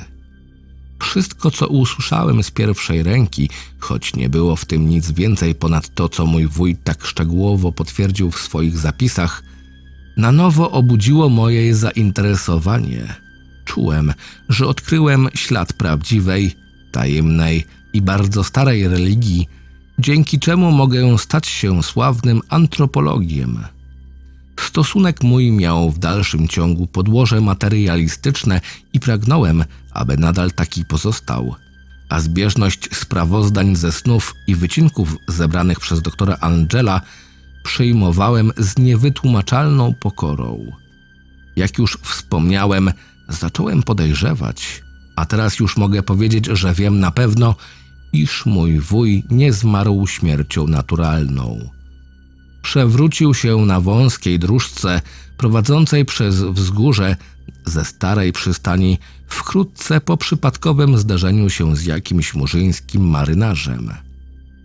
Nie zapomniałem o obławie w Luizjanie na marynarzy, którzy byli wyznawcami tego kultu. I nie zdziwiłbym się, gdybym się dowiedział o skrytych metodach i zatrutych igłach, równie bezlitosnych i znanych od najdawniejszych czasów, jak wszystkie tajemnicze obrzędy i wierzenia. To prawda, że Legrasa i jego ludzi pozostawiono w spokoju, ale w Norwegii pewien marynarz, który dużo wiedział, nie żyje. Czyżby dogłębne badania prowadzone przez mego wuja po zapoznaniu się z relacjami rzeźbiarza dotarły do złowieszczych uszu? Wydaje mi się, że profesor Angel zmarł, ponieważ wiedział za dużo albo mógł się dowiedzieć za dużo. Czy mnie to również czeka? Zobaczymy, bo niewątpliwie ja także niemało się dowiedziałem. Część trzecia. Szaleństwo na morzu. Jeżeli niebo chciałoby mnie kiedykolwiek obdarzyć swoimi łaskami, to pragnąłbym, aby rezultaty mego przypadkowego zetknięcia się z leżącym przygodnie skrawkiem papieru zostały na zawsze zatarte. Na pewno nie zwróciłbym na nie uwagi w moim programie dnia, gdyż był to stary numer australijskiego dziennika Sydney Bulletin z 18 kwietnia 1925 roku. Nawet biuro wycinków, które w czasie wydania tego dziennika pieczołowicie zbierało materiały do badań naukowych mego wuja, nie zainteresowało się tym numerem. Już prawie zaniechałem dociekliwych poszukiwań wszystkiego, co wiązało się z kultem Ktulu, jak nazywał go profesor Angel, i wybrałem się do mego uczonego przyjaciela do Patterson w New Jersey. Był kustoszem miejskiego muzeum i znanym mineralogiem. Oglądając pewnego dnia przechowywane okazy, poukładane niedbale na półkach w magazynie na tyłach muzeum, zwróciłem uwagę na dość dziwne zdjęcie w jednej ze starych gazet, na której rozłożone były kamienie. Był to Sydney Bulletin, o którym wspominałem, jako że mój przyjaciel miał szerokie koneksje we wszystkich stronach świata. Na zdjęciu widniała niezbyt wyraźna rycina koszmarnej kamiennej statuetki, niemal identycznej z tą, jaką znalazł na bagnach Legras. Czym prędzej wyciągnąłem gazetę spod drogocennego przedmiotu i starannie przeczytałem opis. Rozczarowałem się jednak, bo nie był zbyt obszerny. Niemniej zawarte w nim wiadomości miały wielkie znaczenie dla coraz już rzadziej prowadzonych przeze mnie poszukiwań. Ostrożnie wydarłem ten fragment, zamierzając natychmiast przystąpić do akcji. A oto co zawierał. Tajemniczy, bezpański statek znaleziony na morzu. Vigilant przybywa z pozbawionym załogi nowozelandzkim jachtem na holu. Na pokładzie znajduje się jeden człowiek żywy i jeden trup. Opowieść o desperackiej walce i śmierci na morzu. Ocalony żeglarz odmawia jakiejkolwiek relacji z niezwykłej przygody. Znaleziono przy nim dziwnego bożka. Badania w toku. Należący do spółki Morrison frachtowiec Vigilant, który wypłynął z Valparaiso, przybył dziś rano do portu w Darling, holując pokonany i uszkodzony, ale dobrze uzbrojony parowy jacht Alert z Duendin NZ, który został dostrzeżony 12 kwietnia na południowej szerokości geograficznej 34 stopnie 21 minut, a zachodniej długości geograficznej 152 stopnie 17 minut, z jednym człowiekiem żywym i drugim zmarłym na pokładzie. Vigilant wypłynął z Valparaiso 25 marca, a 2 kwietnia zboczył z wytyczonego kursu z powodu niezwykle silnego sztormu i olbrzymich fal. 12 kwietnia dostrzeżono bezpański statek, choć wydawał się całkiem opustoszały. Znaleziono jednak na pokładzie człowieka, ale był prawie nieprzytomny, zaś drugi nie żył już co najmniej od tygodnia. Żyjący człowiek ściskał w ręku kamiennego bożka o przerażającym wyglądzie, wysokości około jednej stopy, ale uczeni Uniwersytetu w Sydney, Royal Society, a także muzeum na College Street nie znają jego pochodzenia. Natomiast pozostały przy życiu człowiek twierdzi, że znalazł go w kabinie jachtu w maleńkiej kapliczce rzeźbionej w dość pospolite wzory. Po odzyskaniu przytomności opowiedział niezwykłą i przedziwną historię piractwa i rzezi. Jest to Gustav Johansen, Norweg, człowiek inteligentny, drugi oficer na dwumasztowym szkunerze Emma z Auckland, który wypłynął 20 lutego do Kalao wraz z załogą składającą się z 11 osób. Emma zboczyła z kursu daleko na południe z powodu strasznego sztormu, jaki zerwał się 1 marca i 22 marca na południowej szerokości geograficznej 49 stopni 51 minut, a zachodniej długości geograficznej 128-34 minut napotkała alert pod dowództwem dziwnie i złowrogo wyglądającej załogi z Kanakas, składającej się głównie z mieszańców krwi. Kapitan Collins otrzymał stanowczy rozkaz odwrotu, ale odmówił. Bez żadnego ostrzeżenia posypały się na szkuner strzały z mosiężnych dział armatnich, stanowiących część wyposażenia jachtu. Załoga Emmy, jak relacjonuje pozostały przy życiu oficer, podjęła walkę i choć szkuner zaczął tonąć z powodu uszkodzenia dna statku, udało im się dopłynąć do jachtu wroga i dostać na pokład. Zmuszeni byli zabić wszystkich, mimo ich pewnej przewagi liczebnej, ponieważ walczyli w sposób bezwzględny i wyjątkowo brutalny, ale też dosyć niezdarny. Trzy osoby spośród załogi, łącznie z kapitanem Collinsem i pierwszym oficerem Greenem, poległy w walce. Pozostałe osiem osób pod dowództwem drugiego oficera Johansena uruchomiło zdobyty jacht i wzięło kurs w stronę skąd przypłynął, aby przekonać się, z jakiej to przyczyny domagano się od nich odwrotu. Okazuje się, że następnego dnia ujrzeli małą wysepkę, przy której się zatrzymali, choć o jej istnieniu nie wspominają żadne źródła. Tam właśnie na brzegu zmarło sześciu członków załogi, ale Johansen jest dziwnie powściągliwy w tej sprawie. Napomyka zaledwie, że wpadli do jakiejś rozpadliny skalnej. Potem już tylko Johansen i jego współtowarzysz uruchomili jacht, usiłując dalej żeglować. Lecz 2 kwietnia zmógł ich silny sztorm. Od tej chwili aż do momentu ocalenia 12 kwietnia Johansen pamięta niewiele. Nawet nie przypomina sobie, kiedy zmarł jego towarzysz William Briden. Nie było żadnej konkretnej przyczyny śmierci Bridena. Najprawdopodobniej nastąpiła wskutek silnych przeżyć i wyczerpania. Depesza z Dunedin donosi, że Alert był znany jako statek handlowy i miał złą reputację na wodach przybrzeżnych. Należał do grupy kolorowych marynarzy, których częste spotkania i nocne eskapady w lasy nie budziły większej ciekawości. Wypłynął w wielkim pośpiechu tuż po sztormie i trzęsieniu ziemi, jakie miało miejsce 1 marca. Nasz korespondent w Auckland przekazuje bardzo pochlebne informacje o Emmie i jej załodze, a samego Johansena określa jako mądrego i wartościowego człowieka.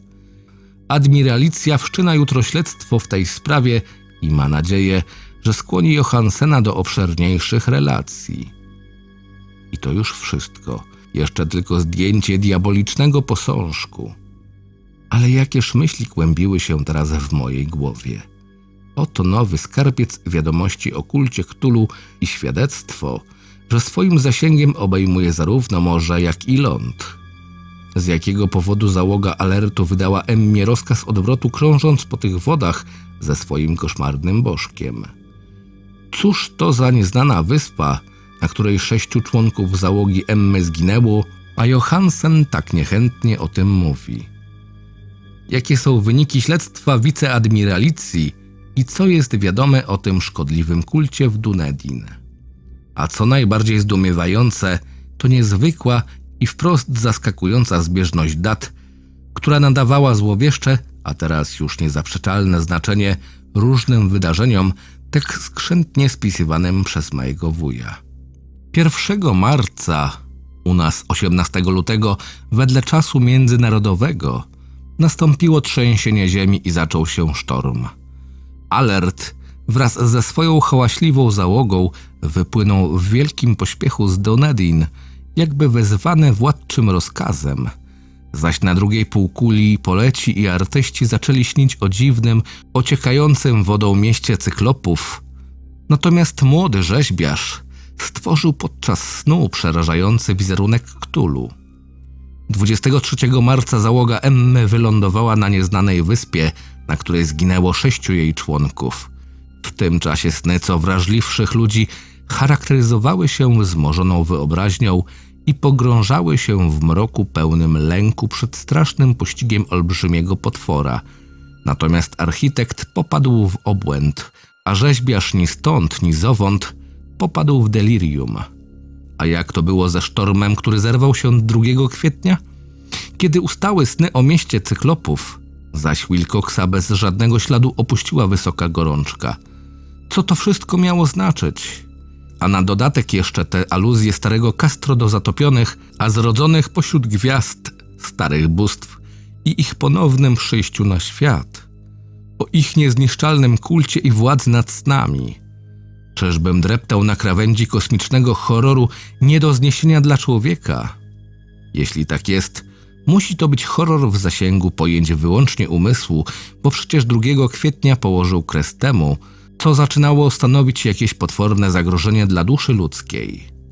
Wieczorem, po całym dniu wypełnionym rozlicznymi depeszami i ustaleniami, pożegnałem mego przyjaciela i wyruszyłem pociągiem do San Francisco.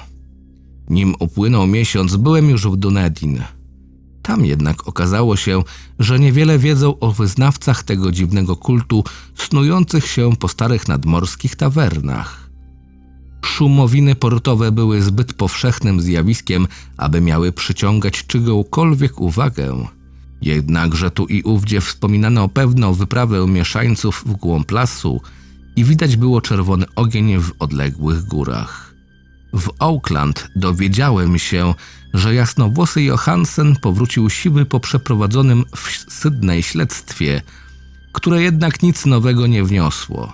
Sprzedał dom na West Street i przeniósł się z żoną do swojej siedziby w Oslo. Nic więcej nie mówił przyjaciołom o swoich emocjonujących przeżyciach. Powtórzył to samo, co zeznał przedstawicielom admiralicji. Jedyne, co mogli dla mnie zrobić, to podać mi jego adres w Oslo.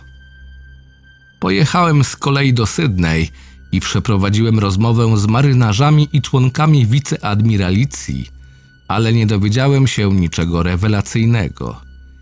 Circular Quay w Sydney zobaczyłem alert, który został sprzedany i pływał jako statek handlowy, ale to też mi nic nie dało. Przykucnięty bożek z głową sepi, tułowem smoka, skrzydłami pokrytymi łuską i postumentem zapisanym hieroglifami, był przechowywany w muzeum w Hyde Parku. Przyglądałem mu się długo i dokładnie. Było to niezwykle precyzyjne bóstwo, równie tajemnicze, antyczne i wykonane z dziwnego, niespotykanego na niebie materiału, jak statuetka Legrasa, tylko o mniejszych wymiarach. Dla geologów, jak poinformował mnie kustosz, okazało się to prawdziwą zagadką. Twierdzili, że nie ma na świecie skały, z której został wykonany ten bożek. Wtedy to przypomniałem sobie ze zgrozą, co stary Castro powiedział Legrasowi o pierwotnych wielkich bóstwach przybyły z gwiazd i sprowadziły ze sobą swoje posągi. Poruszony do głębi i z zamętem w głowie, jakiego nigdy dotychczas nie doświadczyłem, postanowiłem odwiedzić Johansena w Oslo. Natychmiast wyruszyłem statkiem płynącym do stolicy Norwegii i pewnego dnia w jesiennej porze wysiadłem na starannie utrzymanym wybrzeżu w cieniu Egebergu.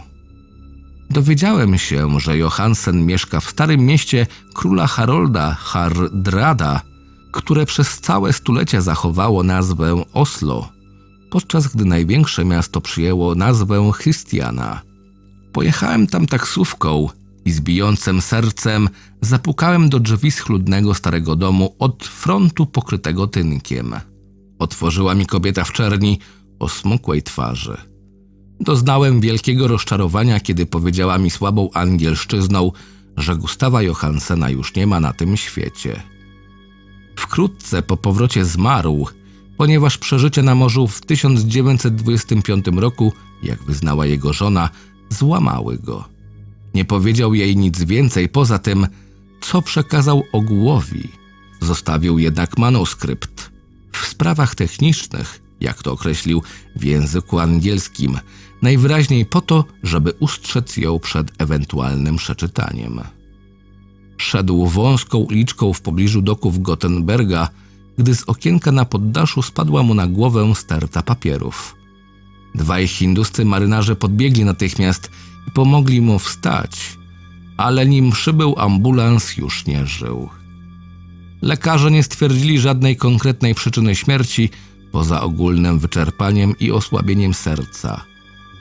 Czułem, że do szpiku kości przenika mnie groza i że nie opuści mnie, dopóki nie spocznę na zawsze, przypadkowo lub w jakiś inny sposób. Przekonawszy wdowę, że moje związki z jej mężem dotyczą właśnie owych technicznych spraw, które upoważniają mnie do przeczytania tego manuskryptu, wypożyczyłem dokument i zabrałem się do czytania na statku płynącym do Londynu. Był to prosty, chaotyczny zapis, post facto pamiętnik naiwnego marynarza, w którym starał się przypomnieć każdy dzień całej tej koszmarnej podróży. Nie potrafię dosłownie powtórzyć treści, gdyż jest ogromnie zawiła i rozwlekła, ale przekazanie samego jej sensu wystarczy, aby zrozumieć, dlaczego chlupot fal o burtę był dla mnie nie do zniesienia i musiałem sobie zatkać uszy watą. Johansen, dzięki Bogu, nie znał całej prawdy Mimo, że widział miasto i tę rzecz, ale ja już nie zaznam spokojnego snu, mając świadomość tych wszystkich okropności, które czają się nieustannie poza życiem w czasie i przestrzeni i wszystkich tych bezbożnych bluźnierstw ze starszych gwiazd, które drzemią pod wodami mórz, a które są znane i czczone przez wyznawców koszmarnego kultu, zawsze gotowych do ich wyzwolenia i wydostania się na zewnątrz, gdy tylko trzęsienie ziemi wydobędzie ponownie to wielkie kamienne miasto ku słońcu i powietrzu. Podróż Johansena rozpoczęła się tak, jak zeznał wiceadmiralicji. Emma z ładunkiem wypłynęła z Oakland 20 lutego i znalazła się w zasięgu sztormu o straszliwej sile, spowodowanym przez trzęsienie ziemi, które musiało wyzwolić z dna morskiego koszmary nawiedzające w owym czasie sny rozmaitych ludzi. Statek, odzyskawszy równowagę, płynął swoim kursem, gdy 22 marca został zatrzymany przez alert. Czytając ten fragment, wyczuwałem żal Johansena, jaki ogarnął go na widok zbombardowanego i tonącego statku. O ciemnoskórych fanatykach kultu na alercie wspomina Johansen z wyraźnym lękiem. Przejawiali jakieś ohydne cechy. Zagłada zdawała się być traktowana przez nich niemal jak obowiązek i Johansen wykazuje szczere zdumienie, że podczas przesłuchania w sądzie jego załodze zarzucano bezwzględność postępowania. Potem, płynąc na zdobytym jachcie pod dowództwem Johansena, wiedzeni ciekawością, ujrzeli wielką kamienną kolumnę wyrastającą z morza, a na 47 stopniu, 9 minucie południowej szerokości geograficznej i na 126 stopniu 43 minucie zachodniej długości geograficznej natknęli się na błotnisty, mulisty brzeg i na wyniosłe budownictwo cyklopów, będące namacalnym dowodem najstraszliwszego postrachu ziemi, koszmaru miasta Rajlech, zbudowanego w niezmierzonych eonach, których nie obejmuje historia. Przez ogromne, odrażające poczwary przybyły z mrocznych gwiazd. W tym mieście spoczywał wielki Ktulu oraz jego horda skryta w zielonych, mulistych grobowcach, która przekazywała po niezliczonych cyklach swoje myśli. To one właśnie wywołały u wrażliwych ludzi sny pełne lęku i wyzywały władczym głosem wiernych do wzięcia udziału w pielgrzymce wyzwolenia i odrodzenia. Tego wszystkiego Johansen nie podejrzewał, ale Bóg jeden wie, co wkrótce zobaczył. Przypuszczam, że tylko jeden szczyt góry, szkaradna twierdza monolit, w której spoczywał wielki Ktulu, wyłonił się z wody. Kiedy myślę o rozmiarach tego wszystkiego, co może się tam w dole znajdować, mam ochotę przestać istnieć. Johansen i jego ludzie zostali porażeni strachem przez kosmiczny majestat ociekającego wodą Babilonu starszych demonów i z pewnością odgadli bez żadnych oświecających wskazówek, że to nie ma związku z tą, ani też żadną inną znaną nam planetą. Lęk przed niewiarygodną wielkością tego zielonawego kamiennego bloku, przed zdumiewającym podobieństwem ogromnych posągów i płaskorzeźb do przeciwnej statuetki znalezionej w małej kapliczce na alercie, przebija wyraźnie z każdego słowa manuskryptu przerażonego marynarza. Nie mając najmniejszego pojęcia o futuryzmie, Johansen prawie osiągnął tę wiedzę opisując miasto, bo zamiast mówić o jakiejś określonej jego strukturze czy budowli, rozwodzi się tylko nad niesamowitym wrażeniem, jakie robią olbrzymie kąty i kamienne powierzchnie, zbyt wielkie, aby podlegały prawom czy właściwościom tej ziemi, świętokradcze z powodu ohydnych wizerunków i hieroglifów. Wspomniałem o nich, ponieważ wiąże się to z czymś, o czym napomknął Wilcox, opowiadając o swoich straszliwych snach. Powiedziałem, że geometria tego miejsca widziana we śnie wykraczała poza granice normy. Nie zgadzała się z prawem Euklidesa, a poza tym miejsce to wydzielało paskudną woń nieznaną pośród naszych sfer niebieskich i we wszechświecie. A teraz prosty marynarz odnosił te same wrażenia, stojąc oko w oko z ową straszną rzeczywistością. Johansen i jego ludzie podpłynęli do pochyłego, mulistego brzegu monstrualnego akropolu i ślizgając się, zaczęli się wspinać na tytaniczne, wilgotne bloki, które najprawdopodobniej nie były schodami przeznaczonymi dla zwykłych śmiertelników. Słońce na niebie zdawało się jakby wypaczone, kiedy się na nie patrzyło poprzez polaryzującą miazmę dobywającą się z tego perwersyjnego, nasiąkniętego morzem wnętrza i jakaś niesamowita groza oraz niepewność czaiły się chytrze w tych zwariowanych, zwodnych wymiarach rzeźbionej skały, na której za pierwszym spojrzeniem widziało się wypukłość, za drugim wklęsłość. Wszystkich odkrywców ogarnęła jakaś dziwna trwoga, jeszcze nim zdołali dostrzec coś bardziej określonego niż skała, szlam i wodorosty. Każdy z nich najchętniej umknąłby natychmiast, gdyby nie obawa przed wzgardą pozostałych i tylko dla pozoru rozglądali się, na próżno jak się okazało, za jakąś drobną pamiątką. Portugalczyk Rodriguez wspiął się aż do samego podnóża monolitu i wydał okrzyk na widok tego, co tam zobaczył. Wszyscy pozostali udali się więc za nim i spoglądali z wielkim zaciekawieniem na ogromne wyrzeźbione wrota wraz ze znaną już płaskorzeźbą w kształcie kałamarnicy smoka. Przypominały, jak napisał Johansen, wielkie wrota stodoły. Wszyscy byli przekonani, że są to drzwi z powodu rzeźbionej belki, progu i framug, choć nie mogli zdecydować, czy leżą one płasko jak drzwi zapadowe, czy pochyło jak zewnętrzne drzwi do piwnicy. Wedle słów Wilcoxa, wymiary geometryczne w tym miejscu były na opak. Trudno byłoby stwierdzić, czy morze i ziemia mają tutaj kształt horyzontalny, ponieważ pozycja wszystkiego wydawała się zupełnie niespotykana. Briden pchnął skałę w kilku miejscach bez żadnego rezultatu. Donovan, idąc wzdłuż brzegu, delikatnie przesuwał po niej ręką i co pewien czas naciskał ją w różnych miejscach. Potem bezskutecznie usiłował się wspiąć po groteskowym kamiennym kształcie, a można było to nazwać wspinaczką, gdyby ów kształt nie był w gruncie rzeczy poziomy. I wszyscy nie mogli się nadziwić, że na tym świecie znajdują się aż tak ogromne wrota. Natomiast na samym wierzchu płaszczyzna wielkości akra delikatnie i stopniowo stawała się wklęsła, po czym wszyscy ujrzeli, że jest dziwnie ruchoma.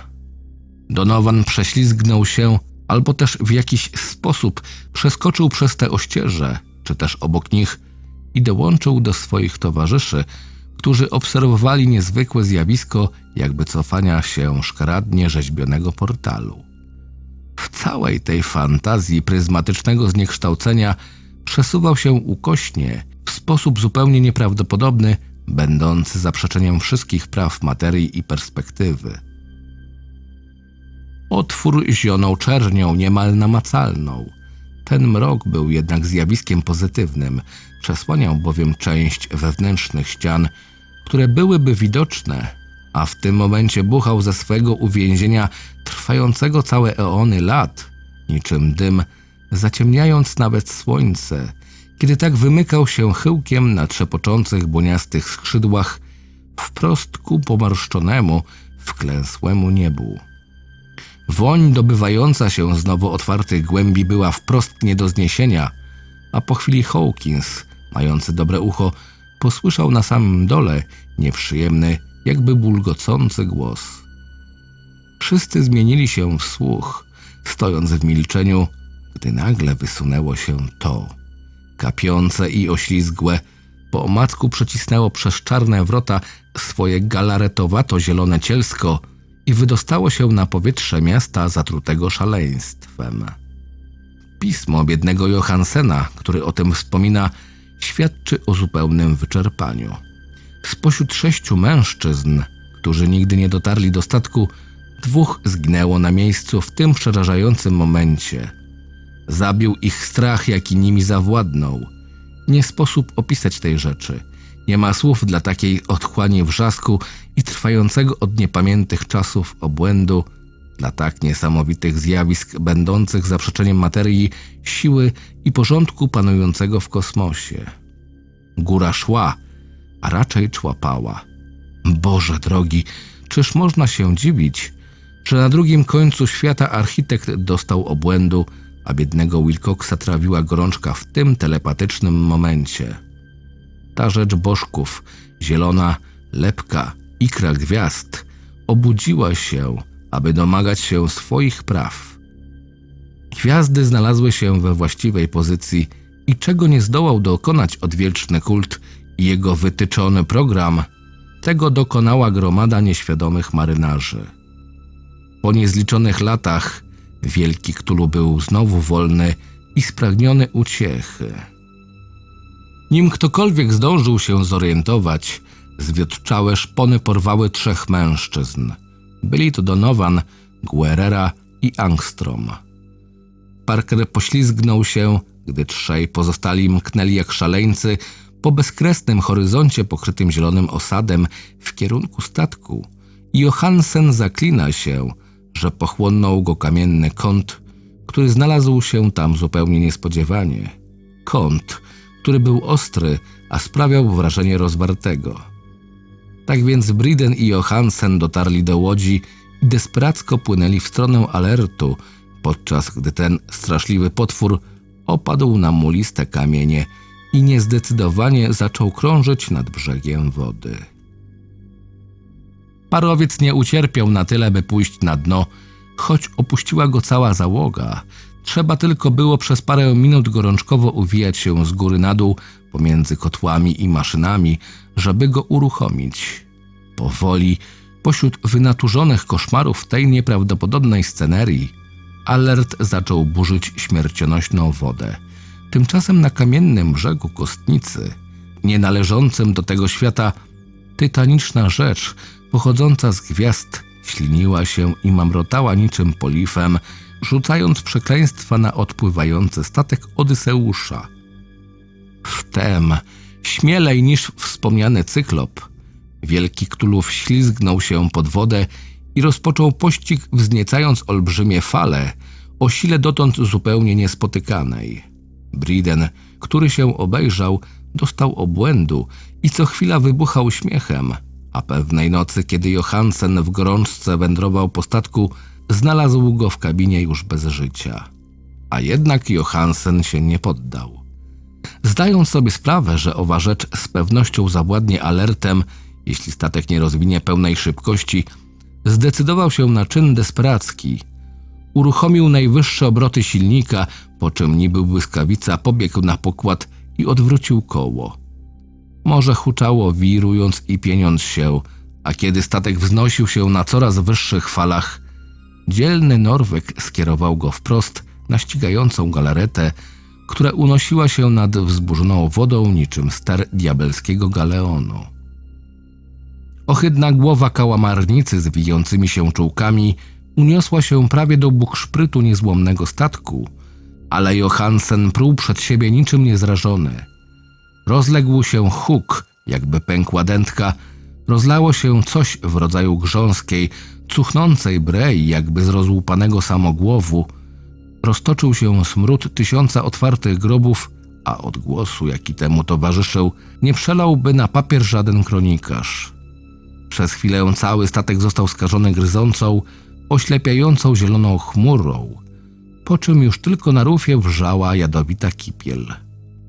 Dalej zaś, o Boże, rozproszona masa tej niesamowitej, pochodzącej z niebios ikry łączyła się znowu w galaretowate tworzywo, przybierając swoją ohydną postać, a tymczasem odległość od niej zwiększała się z każdą sekundą.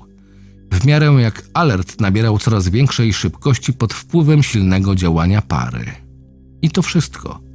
Potem Johansen już tylko rozmyślał nad bożkiem umieszczonym w kabinie i wykonywał ledwie parę niezbędnych funkcji, takich jak przygotowanie jedzenia dla siebie i tego śmiejącego się, obłąkanego człowieka.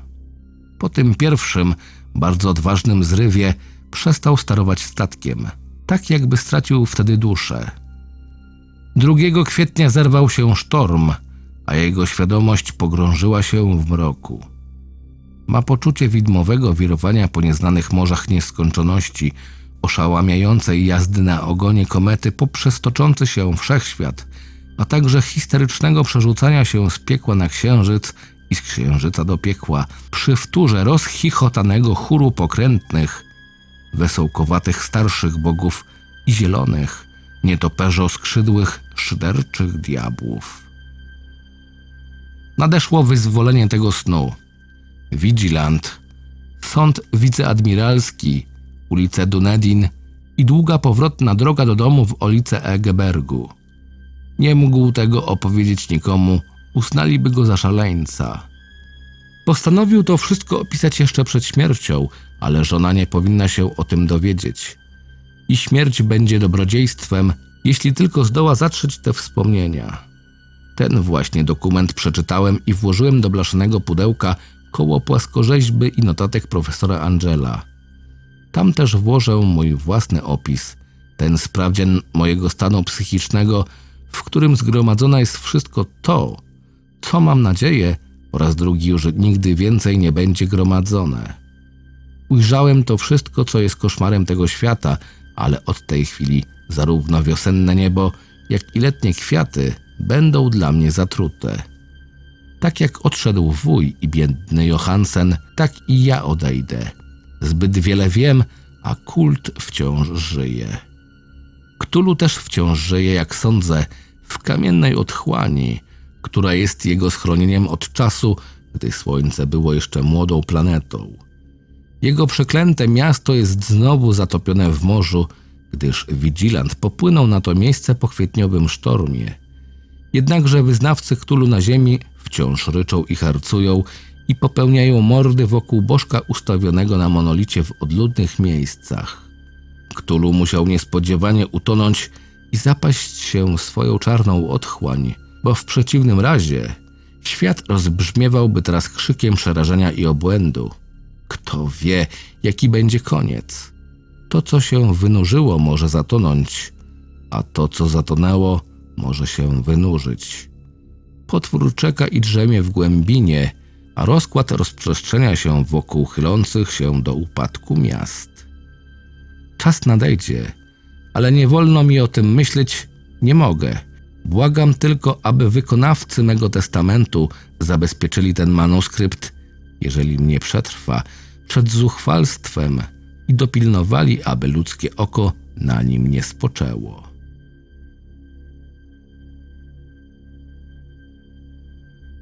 Czytał Krystian Kieś.